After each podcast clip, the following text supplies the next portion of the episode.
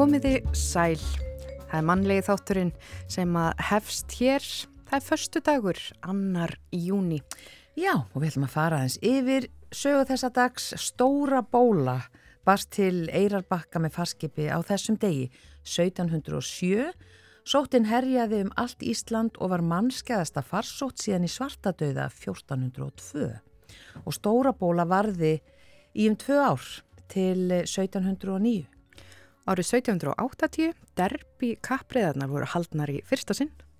Og svo var það Reykjavík skuðfórenning eða skotfélag Reykjavíkur eh, sem var stopnað á þessum degi 1867, fyrsta íþróttafélag á Íslandi. Skothúsvegur í Reykjavík dregur nafn af æfingahúsi þess. Þetta er áhugavert. Mm. Og þú fegst að æfa þig á dönskunni en ég ætla að fara hérna í ítölskuna. Já, gjör það svo vel. Árið 1896 Guillermo Marconi fekk engalífi fyrir nýjustu uppfinningunum sína, útvarpið. Akkurat, hvar væru við? Hvar væru við án hans? Ef ekki fyrir Marconi. Nú gríningu Elisabetar Annarar var sjónvarpað um allt Breitland á þessum degi 1953.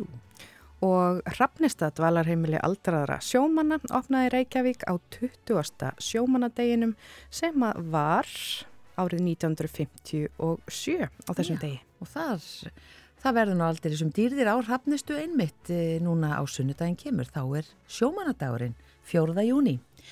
E, svo var það jarðskjóldi sem skók hveragerðin 2008. Skjóltin mæltist 5,5 stig á ríkter kvarðanum. Og þá að efni þáttarins í dag, það er jú förstu dag sem þýðir að það er förstudagsgestur hjá okkur. Og að þessu sinni þá kemur til okkar hún Sirri Arnardóttir, stjórnenda þjálfari fyrirlesari, kennari við Háskólinu á Bifröst og réttöfundur og hún serri á að baki 30 ára farsalan feril í fjölmilum en hefur snúið sér alfarið að stjórnenda þjálfun og kennslu. Hún hefur sérhæft sig að þjálfa fólk í örugri tjáningu og samskiptafærni og haldið námskeið fyrir fjölbreytta hópa um ára byl. Hún hefur einnig gefið út nokkrar bækur og núna í ágúst er einmitt von á nýri bók um öruga tjáningu. Svo er hún líka nýjörðin Amma og við ætlum að spurja nóti það nýja hlutverk og skoðum fortíð, nútíð og framtíð með henni hér á eftir. Matarspjalli eru á sínum stað og við ætlum að halda áfram að tala um salgæti. Það er svona, já, þetta er annar hluti, uh, súkulaði, lakrís og alls konar, ég veit ekki hvað ég að segja, karamellur uh, og við ætlum að reyna að svara þessari spurningu þurfum við ennþá að koma heim frá útlöndu með nammi fyrir vinnustæðin. Þetta týðkast mjög víða Já. á vinnustöðum og mörgum finnst þeir bara að vera skildur til þess að gera þetta. Við ætlum aðtöða hvort að þetta sé bara eitthvað búið e, eða hvað. Eða hvort þetta sé aðfjara út eða hvað þetta sé. Það er nefnilega það. Vonum að við getum svara þessari spurningu, þessari mikilvæga spurningu hér e, síðar í þættum í dag. En við ætlum að byrja á Vilhjálmi Vilhjálmsinni. Hér syngur hann lag Magnúsar Eiríkssonar um einbúan.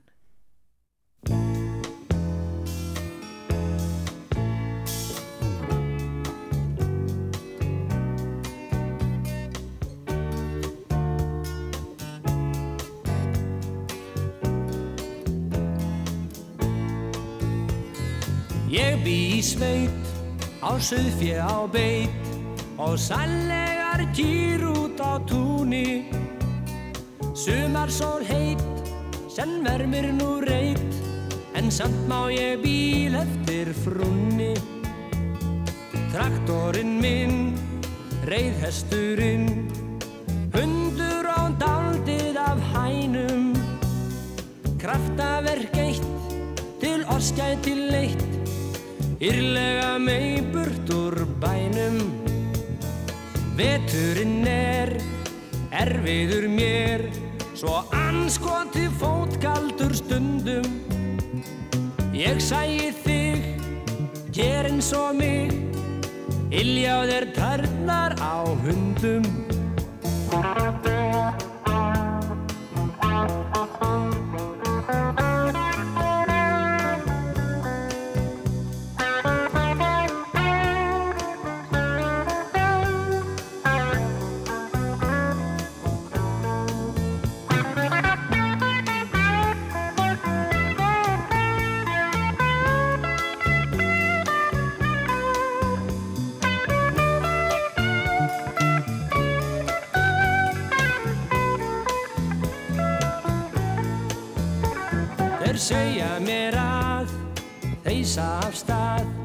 Þær býð eftir bondanum vænum. Ég hef reynd að veit Guð En það er sko puð Að þræða all húsin í bænum. Og ég bý í sveit Á söðfjö á beit Og sælegar kýr út á túni. Sumar sól heit Senn vermir nú reit En samt má ég býð eftir frúnni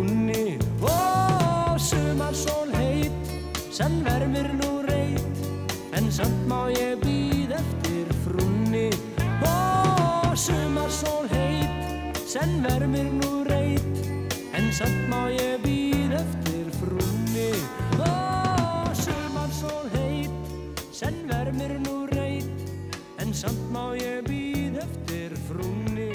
Ó, sumar sól heit Senn vermir nú reit. En samt má ég býð eftir frúnni. Ó, sumar sól heit Já, þetta er nú bara einn búinn. Uh, Vilhelmur Vilhelmsson syngur, lag sem eiginlega allir þekkja. Magnús Eiríksson sandi lag og texta. En þá er komið að förstudagsgestunum okkar sem er nú engin önnur en hún Sirri Arnardóttir. Hún á marga tilla, stjórnetaþjálfari, fyrirlesari, kennari, ríthöfundur, Fjölmiðlakona. fjölmilakona til 30 ára. En kontu sæl Sirri, fyrst af öllu.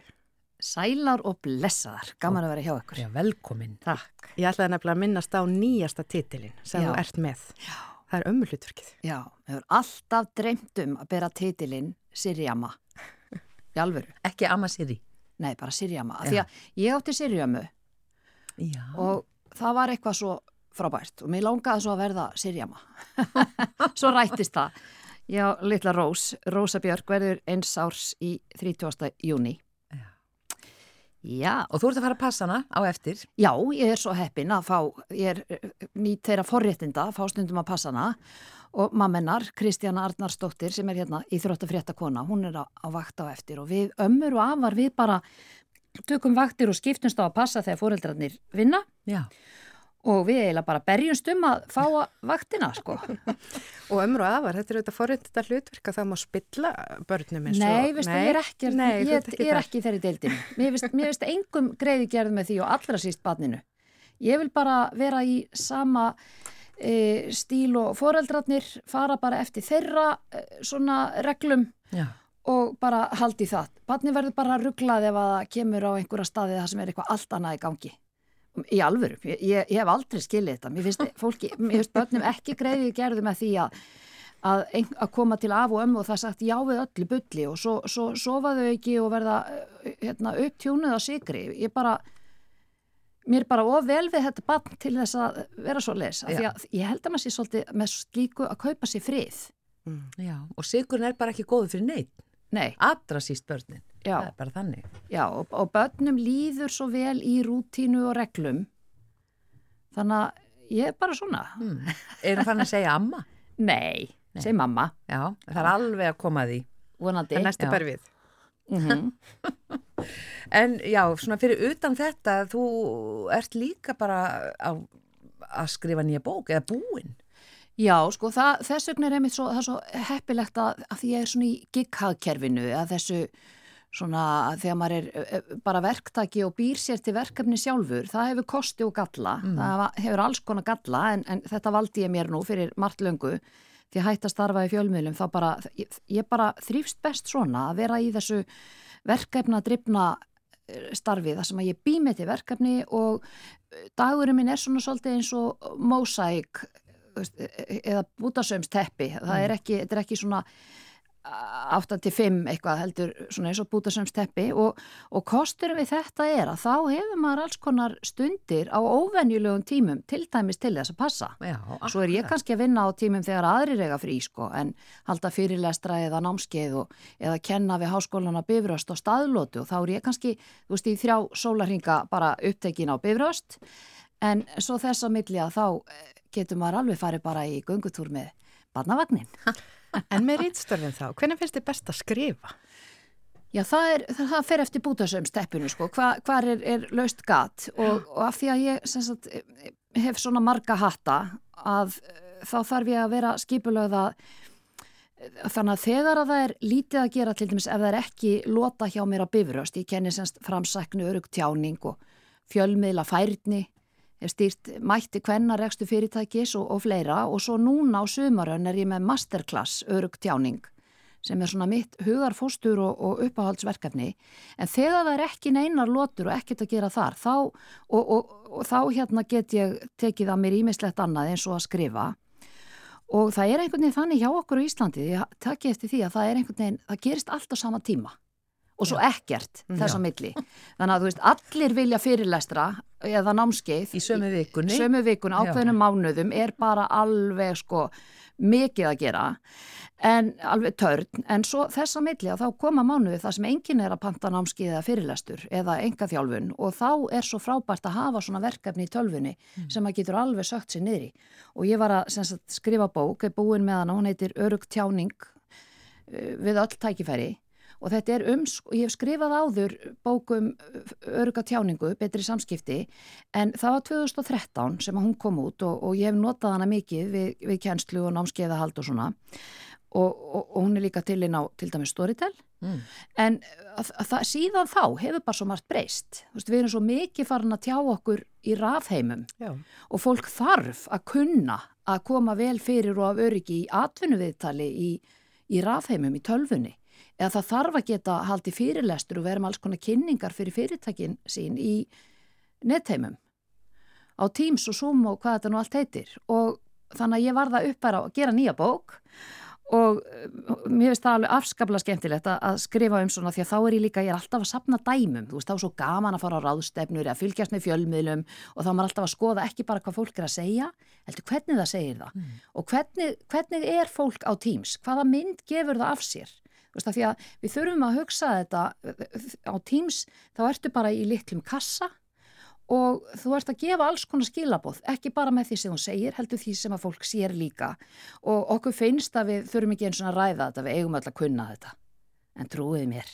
Þetta er ekki svo sjálfsagt. Nei, það er alls konar þetta sem er hægt að laga og læra og mér finnst svo skemmtilegt að spáði þetta og bókin er sem sagt núna hjá grafískum hönnuðu og það er verið að teiknana og setjana og svo fyrir henni prentun og þessi bókum um örygga tjáningu við öll tækifæri, hún kemur út í byrjun ágúst mm -hmm. Já. Já, ekki beint svona þessi típiski bóka útgáðu tíma Nei, Nei, af því að ég held þetta er svona eins og margar af öðrum bókum mínum, þetta er bóka sem ég held að fólk kaupi þetta fyrir sig og svo kannski vill að gerðnan gefa einhverjum öðrum.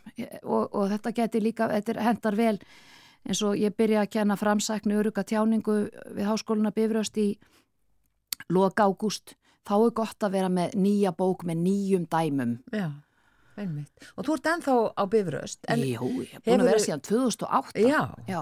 en uh, ég efast ekki um að þú hafið fengið tilbóðum að koma aftur í fjölmila en þú hefur bara verið mjög uh, ákveðin í því að að vera hægt þar eða Já. hefur eitthvað breyst?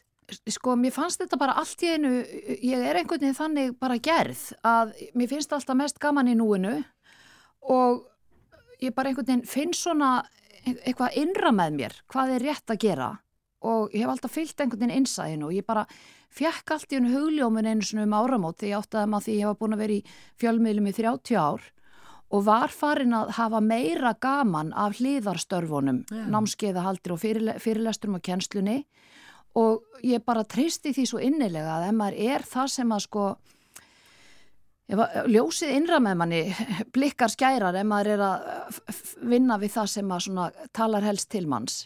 Og þá einhvern veginn, þá fær maður fleiri tækifæri, maður fær fleiri verkefni ef maður er í því sem maður brennu fyrir. En, en ég vissulega, ég skellti mér út í djúbulöginna með því ég hef alveg sagt upp, þú veist, förstum samningum hjá ríkisútarpinu og, og stöðtfu og svona, en, en hérna, maður ásáldi að fylgja einsæði sínu. Já, og í, að því þú myndist á enga þjálfun, já. E, sko, ertu með ráðherra og, já, já, hérna, og hátt, háttsett fólk í enga tímum? Já, já, já, já, þetta kemur svona í, þetta er í törnum líka, en það er kannski Það er kannski þannig að einhver er á námskeiði á mér og svo bara allt í hennu hefur makinn samband og segir, heyrðu, kona mín eða maðurinn minn var á námskeiði hjá þér, ég bara viðkomandi er búin að vera svo frábæri samskiptu síðan, ég vil koma líka. En hérna, nei og svo er líka bara ímis fyrirtæki sem að e, senda fólkið sitt sem að vil verða enn örugara í að kynna fyrirtæki eða einhvern veginn njóta sín við að stýra mm. fundum eða vera með flottar glæru kynningar, geta haldið tölu á ráðstefnum og svona. Já og þá er hægt að fá hjá mér enga þjálfin í þessu. En hefur þú ringt í einhvern eða haft samband við einhvern að heyrðu, ég sáði því, þú varst í viðtali í gær, þú þart virkilega á leðsögn að halda, hefur þú gert það? Veist það, sko, vá, á skuli spyrja, af því að ég einu sinni gerði það og ég þurfti virkilega að manna mig upp í að gera þetta.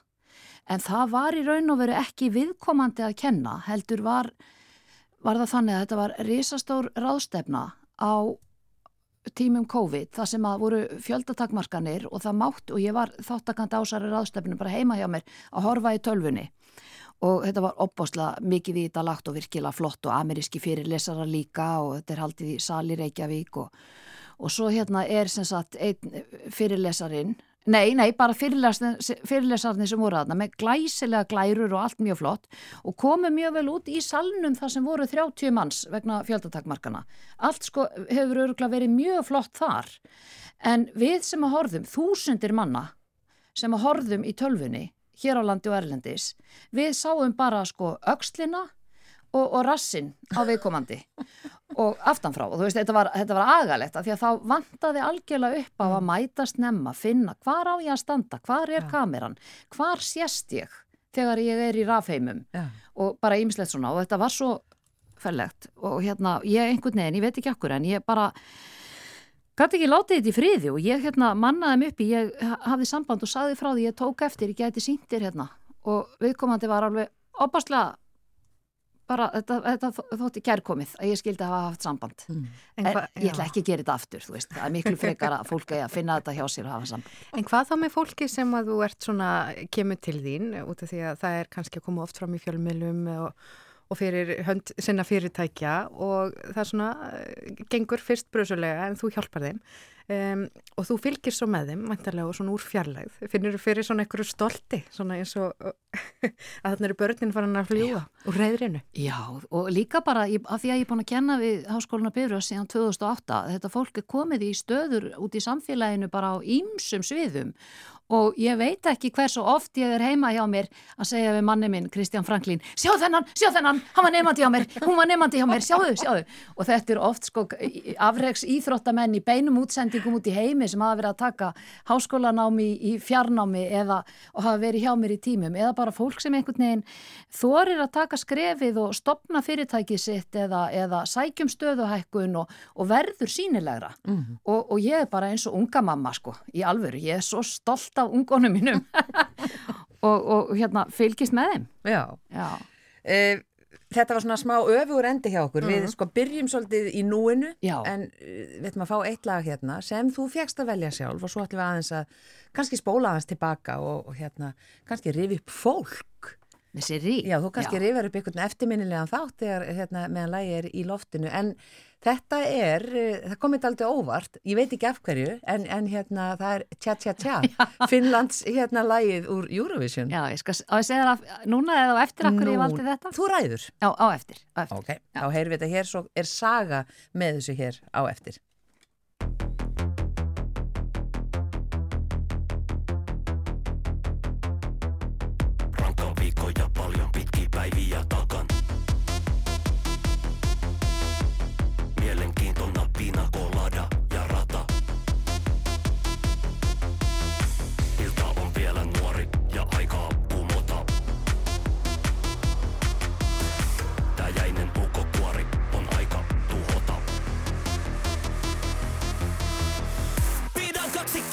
に弱みしたニコ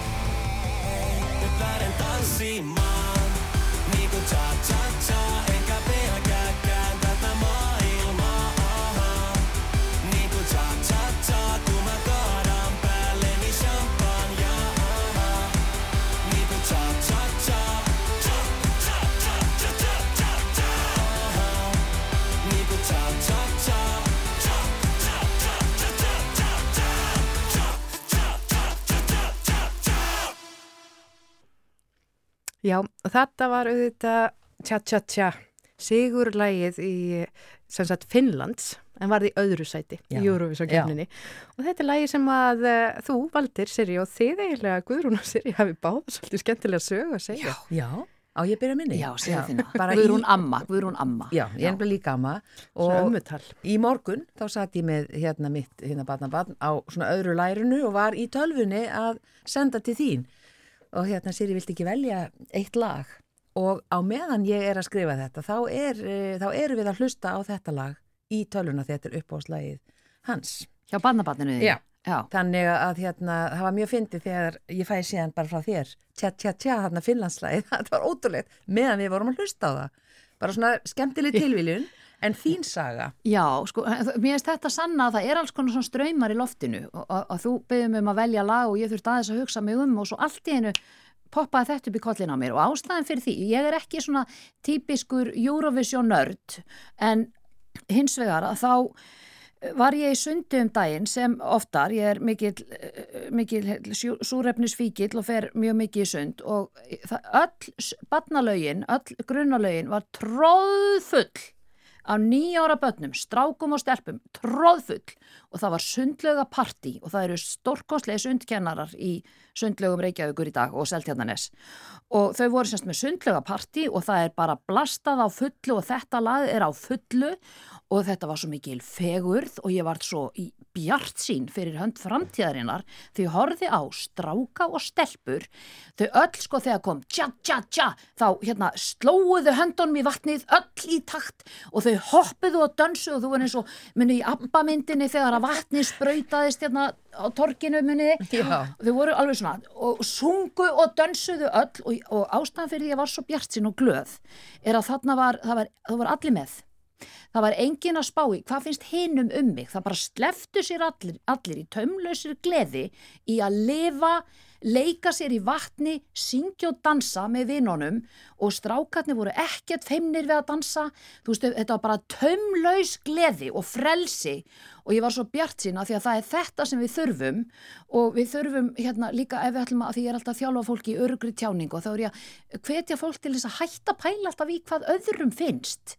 Þetta er svo hamlandi og þú finnur svo fyrir svo miklu sviðskrekk þegar að fólk er alltaf að spá í hvað finnst öðrum mm. og, og með því að, að þóra að vera astnalegur eða bara þóra að gleðjast og sleppa sér þá sigrast maður svo á sviðskrekk þannig að ég varð svo bjart sín af þessu lagi. Að horfa á þau, bönnin Eldræða sirjar maður fann sko kraftin frá þér. Og sjá, sjáu ekki sundlaug bara Jú. bum bum, tja tja tja tja tja tja.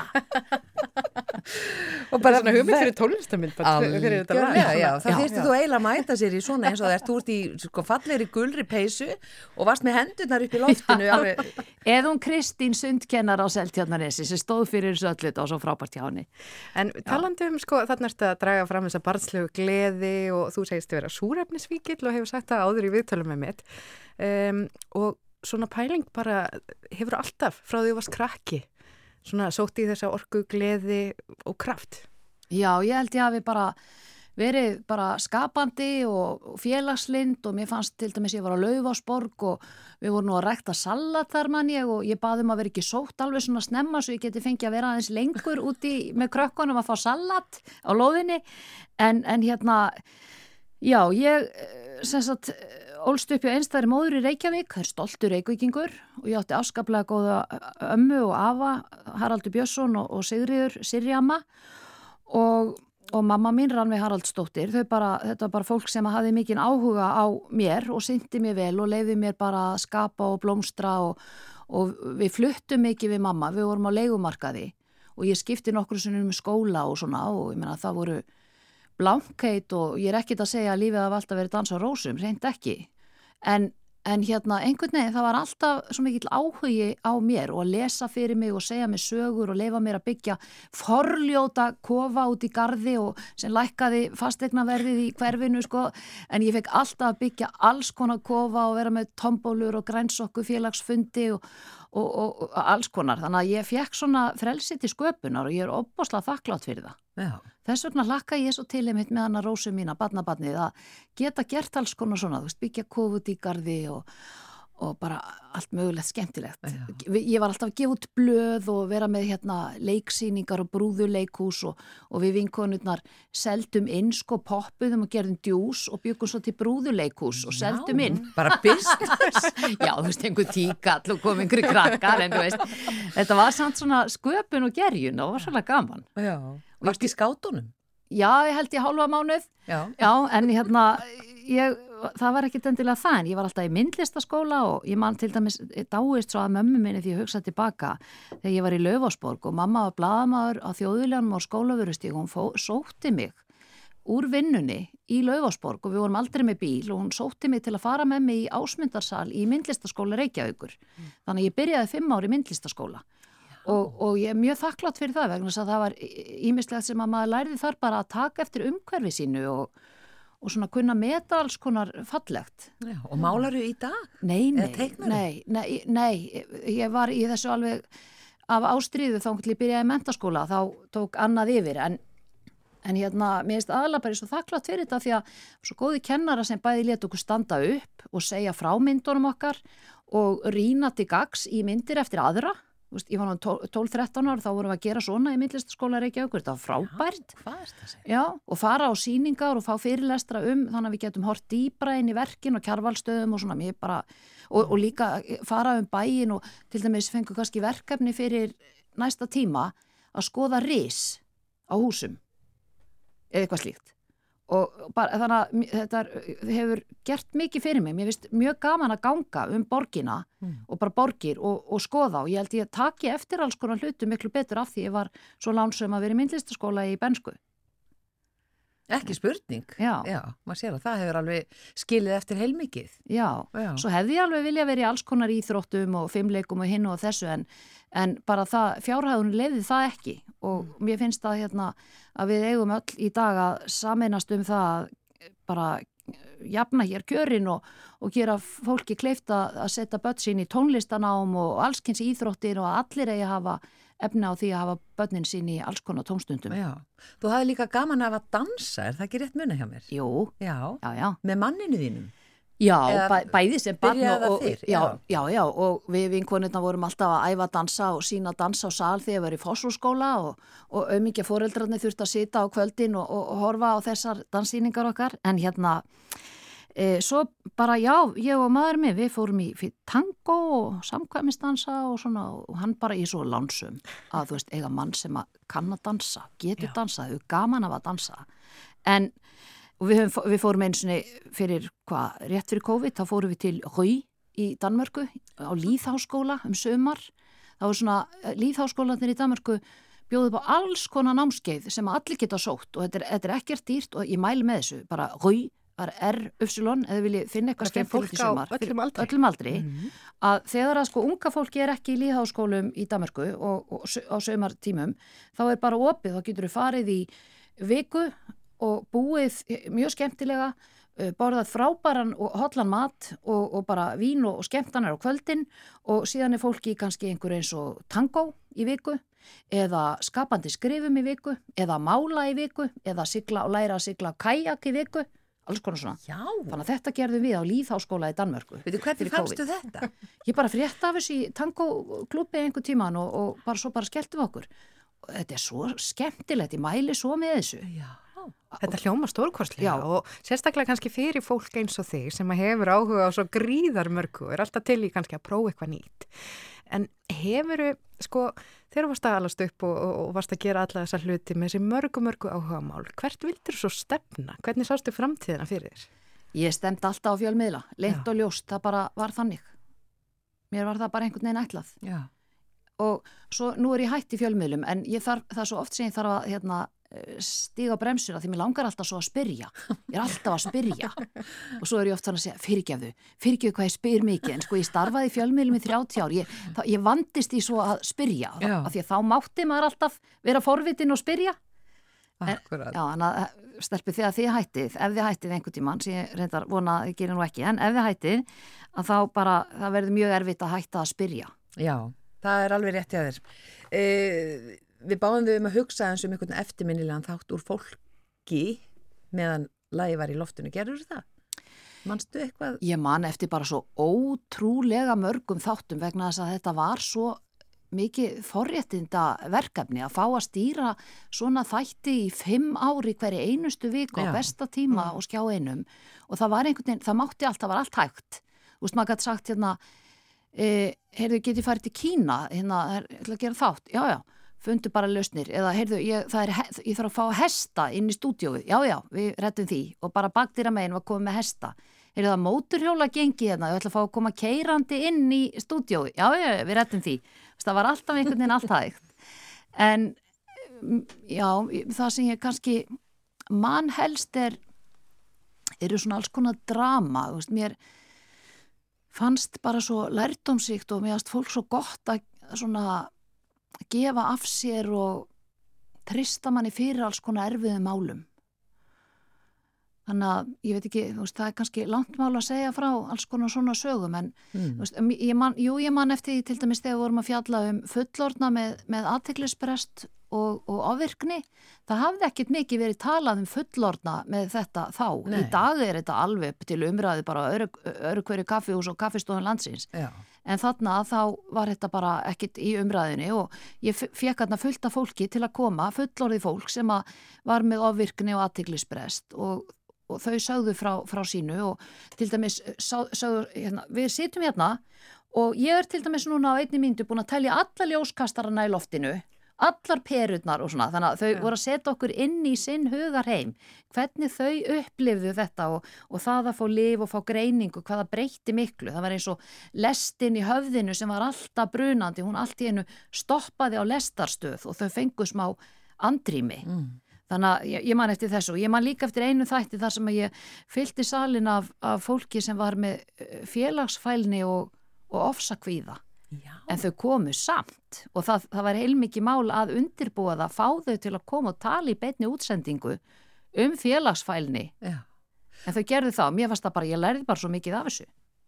Nákvæmlega og þetta er, hérna, þetta er þáttur sem var gríðarlega vinsa ætla þú varst með fullansala fólki Já, og eiginlega hefur ekki verið neitt annar svona þáttur síðan, ekki svona svo í munni, í fljótu bræði. nei og ég var líka vakandi og sofandi yfir þessu. Þetta var algjörlega full vinna, bara alltaf. Maður var alltaf að, sinna þessu og ég er svo fegin að hafa verið með þetta áður en að öll uh, samfélagsmiðla byltingin byrjaði. Því ég veit ekki hvernig þið verið. Við vorum oft með eitthvað sko viðkvæmt Já. og ég hefði ekki viljað að fólk væri á, á samfélagsmiðlunum að, kannski að dæma einstaklinga hart. Það var aðeins á sínu tíma að það var barnaland var í gangi og ég man að fólk kom og var að segja frá um, einn var að koma og sagði frá því hún hafi búið með semst sjúglegum ligara og, og bara ímislegt svona sem var bara daldi viðkvæmt og fólk var að opna fyrir tilfinninga sínar og svona og þá voru einhver hérna barnalandi sem að sko heldu sér á netið með einhverjar ásakanir og svívirðingar og að dæma hart og jafnvel börn þessa fólks. Já, en það var samt og það var slæmt en það var bara á afmörkuðu uh, svæði, bara barnalandi. En í dag, þú veist, þá flæða ásakanirnar og þjóðunum er svo dómhörð. Já, það eru sleggjudómatnir út um allt. Já, En gaman að fá þið í þáttin, Siri, og bara hérna gangi ég vel að passa, takk. Hana Rósu á Já, eftir. Já, og, og bara, já, eitthvað sem þú vilt bæta við, Gíja. Þetta er bara indislegt að hafa fengið í þáttinn og að fá þessa insinn inn í og finna kraftin frá þér. Það er Akka búið að vera svo gaman. Og, og ég fæ kraft frá ykkur því að ég elska að hlusta á útvarp öllum stundum og það gefur mér svo mikið að, að heyra í góðu útvarsfólki. Takk fyrir þetta Siri og svo er það bókið sem kemur út í ágúst. Já, bara... örug tjáning við öll tækifæri. Akkurat, takk fyrir komina í manlega þáttinn.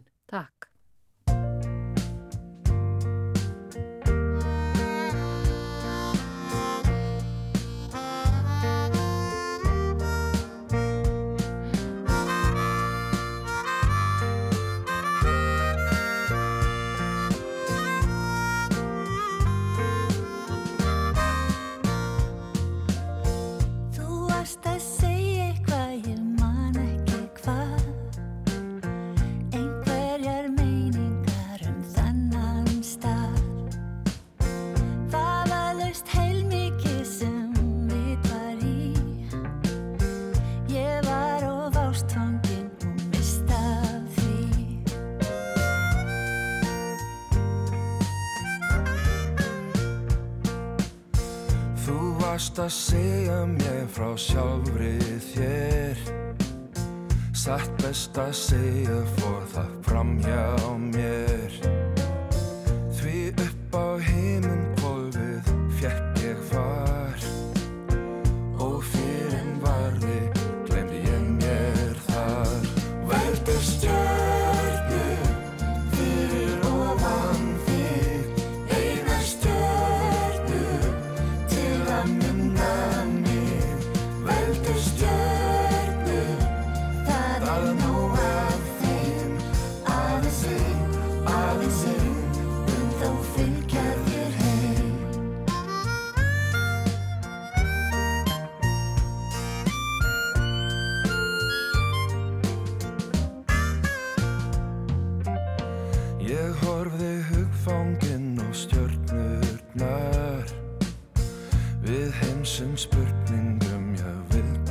soir.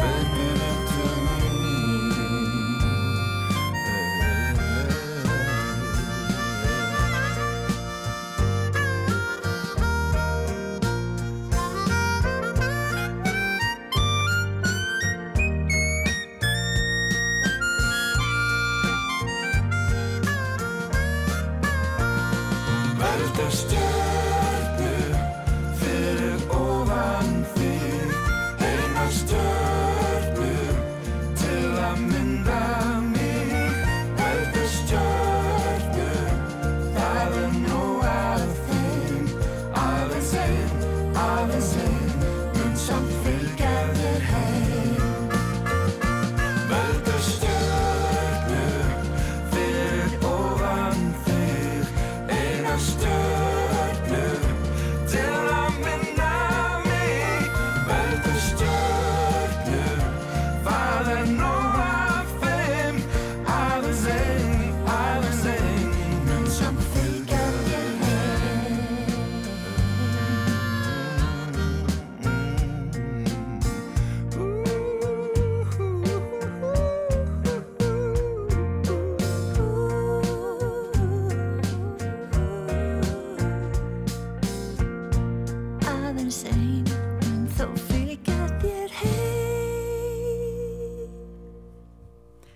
fallegt lag hér eftir hana Ellen Kristjáns í flutningi Ellen, Elena Kristjáns og John Grant og það er hann bara í Valdimar Skúlason sem að gerði tekstan við þetta lag Já, og Ellen samtilagið er mitt og nú er komið að þessu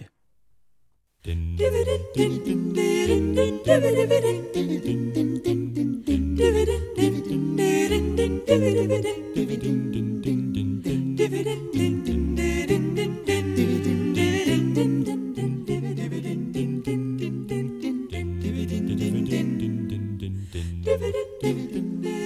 nú munur að vera búin að fá gíu í kórin. Mér finnst þetta bara að vera miklu léttar einhvern veginn núna. Já, allt. Gunnar ekki, er ég nú ána með öttina skunna. Ég tók bassan.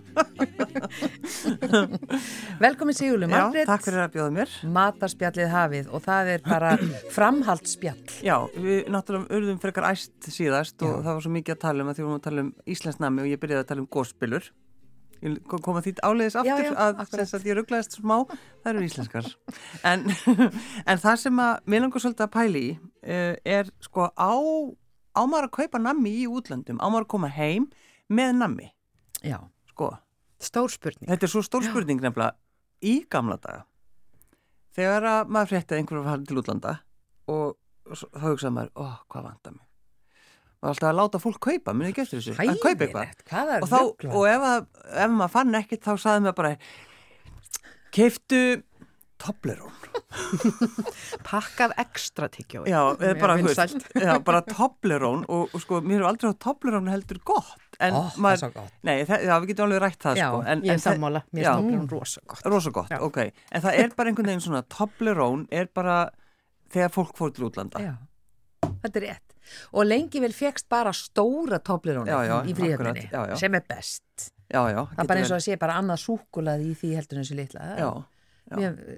Já, en hvað er þetta, sko, nú fer bara fólk til útlanda nánast í hverju viku Já, já, og ég bara veit eins og hjá okkur, það bara sapnast upp svona nammi hrúur, já, já. að því að bara fólk samvisku samlega kaupir Já, eitthvað. já, þetta er samt, þetta er ykkur bara að því við erum vönði að fara í gegnum uh, fríhöfnina og svo þegar maður er búin að lappa í gegnum fríhöfnina og borga þá hugsa maður, nei, heyrðu, ég hefði getið kipt mér flugfar fyrir peningin, fyrir það fyrsta og af hverju er maður að kaupa kannski nammi fyrir kannski 10.000 krónur er, all- ég veit að þeir eru, eiga öruglega eftir að senda okkur þakkabrif fríhöfnin á eftir Já, öruglega. Örgla, við erum mjög ánægði með þetta. En sko, ég veit það ekki, það er náttúrulega sko, uh, í, í gamla, að því við erum að tala um í gamla daga, þá var kannski ekki allt nammi til, en þú veist, á Íslandi í dag, er það að kaupa allt nammi. Já, Þú getur, þú getur keift sko, uh, Monsier, Monsieri, munið þetta þeir, já, Já. aldrei fíla það. að hræðilegt sko, en þetta var eitt af því alveg, ég kom hérna með Monsieri og, og, eitthvað svo leiðis, en ef maður er í landi þar sem maður er einhver svona sérstaða, þá erum við kannski að tala um uh, súkulaði frá Belgíu. Þú veist, ég set spurningamærkið mitt svolítið við það, þú veist, verður maður kannski að fara í súkulaðbúð og velja sér og koma heim með einhverja tíu móla? Já, nú ertu komin á svona svolítið grátt svæði þarna. Já, þannig að þú veist, og það er, veist, það er eitthvað kannski sem maður fær ekkit, jú, maður fær hér, þú veist, en samt einhvern veginn, ég veit það ekki. Já, það er þetta gudrun, þarna súkulaði. Gudrun, Já. sem að þú ert nú búin að vera belgíska súkulega Gera sem ég hef lengi verið að, að hérna, bræða og, og, og skapa og skapa alls og konar nýja móla alls konar fyllingar. Ég man nú eftir því hérna um daginn, þá var ekkur að koma hér á skrifstofunni uh, frá miðausturlöndum og komið alveg uh, ofbúslega sérstakt uh, nammi Já, þaðan og það var gaman. Það var Já. gaman að smakka það og, og, og þar fekk maður einhver önnu brögð. Hva, hvað var það? Það var svona hlaupkent eitthvað? Já, eitthvað svo leiðis, já. En líka súkulega einhvern veginn utanum einhverju döðlu. Já, Já. súk, já þetta var döðlu nammi, þetta var, þetta var rosalega. Já. Já, þetta er kannski einmitt það sem við erum að tala um. Það þarf kannski ekki að kaupa hlaup, fransk hlaup með hana sigrunum sem að keipti alltaf kollanum sem voru bara að selja út á götu í París. Þetta er svona, þetta er svona eh, hlaup. Mm Með svona utanum. með utanum sigri allir litir í svona plastpoka sem Mhm. heyrist rosa mikið í. Og maður, maður kefti þetta á gamlu köllanum, þú veist, kostið einhverjar einhverja franka. Og maður borðaði halvan bara, maður sá hann ennþá þegar maður var búin að borða halvan baka og þá var maður að dreipast í maðunum allan tíman ég mæli ekki með því Hvernig var þetta? Í fyrra bara? Já, einmitt það, Frankar, frankar í fyrra Já. að En þetta er einhvern veginn svona, þú veist, nammi þú veist, ég veit ekki af hverju við erum alltaf að borða svona mikið nammi Nei, Nei. það, þetta er bara eitthvað gamalt En líka þetta nammi sem fæst í fríhöfninni sem maður Mm. eru ofta að kippa með sér, þetta fæst bara í öllum stórmurkuðum hérna heima, þannig að þetta er ekkert sérstakt. Nei, það er, ekkert- það er nefnilega það, ekki- sko Þannig að þá er þetta bara spurning, er, er þetta bara orðið kvöð? Já, Að akkurat koma með þetta nammi á skrifstofana og svo borðum við bara svo mikið nammi Já, að það er nú bara eins og að sapnast hérna hrúur upp. Já, á ákunnum svona árstímum. Já, Já. Svo kannski fer maður til útlanda á einhverju svona kannski tíma sem fáir fara og maður kemur tilbaka, gleymdi að kaupa nami í fríhefninni. Þá, Og þá er bara- starað á mann. Já, já, þá fólk... keiftur ekki neitt. Nei, því þetta er eitthvað svona, það eru örgulega margar skrifstofur hérna út í bæ sem er mitt upplefa þetta, að það eru, þú veist, maður finnur þess að, ah, já, ég, Ég verð- ekki neitt. ah, ég verð að fara að kaupa hérna, ég hleypar í bónus, kaupi hérna. Þetta bjarga sér. Já, láta bjarga sér, en, en þú veist, alltaf koma með eitthvað nammi og, veist, og stundum er einmitt eins og bara, uh, ég get bara að tala um þessa viku hér í, í ríkisútarpinu, það eru, það er bara nammi skálar út um allt. Þetta er bara virkilega bara óþægilegt. Erum við þá að tala um að þetta þarf bara að fara fyrir mannusteldir í fyrirtækjum og, og vera rætt til lítar? Einhverju samlandar reglur. Já, nei, það er öðvöldlega. Við viljum ekki svoleiðis reglur. Nei. Þetta er bara, við finnum þetta bara hvert og eitt svona, ef að, já, kannski bara þetta, ef við nennum ekki að kaupa nammi Mm. eða bara gleymum því, Já. þá er það bara allt í lagi. Já, það var bara alltaf. Það var engin kvöð. Nei, Nei. nei, nei. En við vorum að tala um það hérna ekki að, uh, hérna áðan, af því þú ert að norðan, Já. er eitthvað svona norrlenskt í minningunni, eitthvað svona sérstakt sem fegst bara fyrir norðan eða var þetta allstaðar eins? Sko, Já. Þú ert svo ung. ég, já, ung, já, jú, jú. Ég held að það hafi nú bara verið þetta saman að mig, allstaðar, en, en, en, En spes, þetta er bara svo skrítið landsvæði. Já, einmitt, þetta sérstaka landsvæði. En ætli lindu súkulæði, lindu Jú, jú, buff og allar þær vörur uh, hafi nú verið svolítið svona einkennandi. Já, Já. Þannig auðvitað. að það hefur verið svona sérkennið. Mm. Mm. Já, Svo er þetta að- karamellu eplið í jólahúsinu, það er nú eitthvað sem þú fær nú, Já, Á fæst fáum stöðum? fæst það ekki nema þar? ég bara manna ekki fast það í hústýrakarnum, nei, ég bara, Nei, nei. Ég hef Það- hvergi já. séð nema Ég þarna. spyr á þetta fást. Nú spyrjum við hlustendur. Já, það er spurning hvort þetta eigi að fást. Ég hef ekki alveg smekk fyrir karmelueflunum, en dótti mín hefur það. Já, þetta er svo, En þetta er svakalega erfitt að borða og fyrir svona litla munna þá er þetta alveg rosalegt dæmi. bara verkefni. Þetta fer út um allt Já. og, í hárið og svona. Það minnir mig á hérna gömlu snutturnar sem að var svolítið nammi sem að ég var með í gamla dag. Já, Þessar akkurat. sem að að í. Og það er líka kannski það, þú veist, maður kemur heim með einhvern reisastóran sleikjó. Það er svona ævintýra sleikjóar sem er, þú veist, og maður skil, sem ég svo skil, já, ég skil sjálfa mig þegar ég kaupi þetta svolítið þess að gefa barnabandinu mínu, ég skil það alveg, en þetta er náttúrulega ekki, ég veit ekki. Æ, núna, er ekki núna eru að sleikjóarnir orðnið þannig að það er svona risastór sleikjó sem að sko opnar og svo eru litli sleikjóar inni þannig að ég hef ekki séð svona risastóra tjúpa tjúps lengur. Tjúpa tjúps. Nei, Nú er nú Sirri ekki ána með okkur. Var hérna, hún er uh, sem sagt var aðeins að ræða um ömmu hlutverki hérna áðan og hérna, uh, og burt með sigurinn. Já. Já, Það er bara svo les.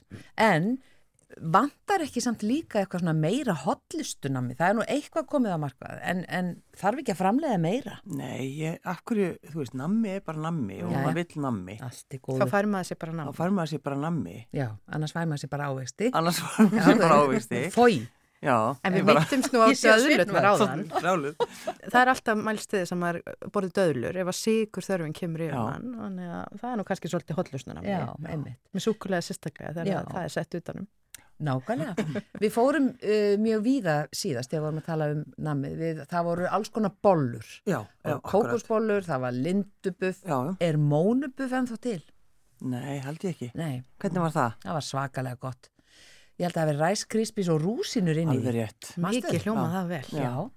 Hvar er mónubuffið? Hvað er mónubuffið? Hvað er staurinn? Staurin er alltaf til. Já, já, er til. Það er hann til. Já, Já, ég er búin að reikna út ef þú sérð í desember eða november, allt í einu einhver staðar jólastaur, skaltu kaupa hann strax að því hann er glæni Já. þá sko stundum hefur maður reikst á gamla staura sko ekki í jóla heldur bara svona allan á síns ring einhver staðar annar staðar, Já. það er ekki skemmtilegt Nei, sko, verstu vombriði lífsmíns er ef ég fæ mig kókusbólu og hún er gömul. Já. En það gerist heldur ekki oft Það gerist eiginlega bara aldrei. En staurin þarftu að svona borða á sérstakann hátt. Þú þarft að opna hann, að það er mjög auðvelt að opna hann svona, Já. uh, bara langsum, opna hann upp á gátt, sleikir svo innan úr honum þetta hvíta öðru megin og svo hinnu megin Og borða svo súkulega. og þá stendur eftir með svona vöflu, hérna, Já, formið hulstur, utanum. já, Mm. formið og þ- svo bara borðar það alveg sér. Þetta er, þetta er ein leið til að borða staur Þetta er góð leið, ég Já, heyri það. já. Og ef hann er nýr þá er ekkert betur en þetta. Já. Þú, ert- þú ert svolítið að tala svona eins og, eins og lakrisúlan, marsipan lakrisúlan þegar sömur borða bara fyrst lakrisinn Já, og skilja svo hérna marsipanni eftir og tróða því upp í sig. Akkurat. Þetta, þetta er svipað. En sum, sumir eru með dólg og bara opna hann og býta bara í miðjuna og bara borða hann. Þá verður fólk mjög reitt. Ég veit það. Ég sé það. Já, já, ég vil líka sé það. Heyrðu, þetta er að vera búið hjá okkur. Ég efast um að við tökum sko þriðar hlutan af namminu. Nei, nei, þetta er komið nóg, sko. Já. Við erum bæði búin að tala illa og vel um salgeti. Já, Við viljum borða nammi. og allt er þetta nú gott í hófi. Já, sem, ég veit það. Það er bara þannig. Ég veit ekki hvernig ég var að sannfæra núna. Nei, ég veit það En- ekki. Og við fundum ekkit út úr þessu með hérna reglutnar um vinnustæðanamið. Nei, nei, það bara á að koma, fólk kemur nammi eða vill koma. Já. En ef það ekki verið ekki, þá er það í lægi. Þá er það í lagi. Já, þá fær maður ekki svip. En Sigurlaug, eins og venjulega, þú ætlar að hvaðja hlustendur? Kæru hlustundur, góðar stundir.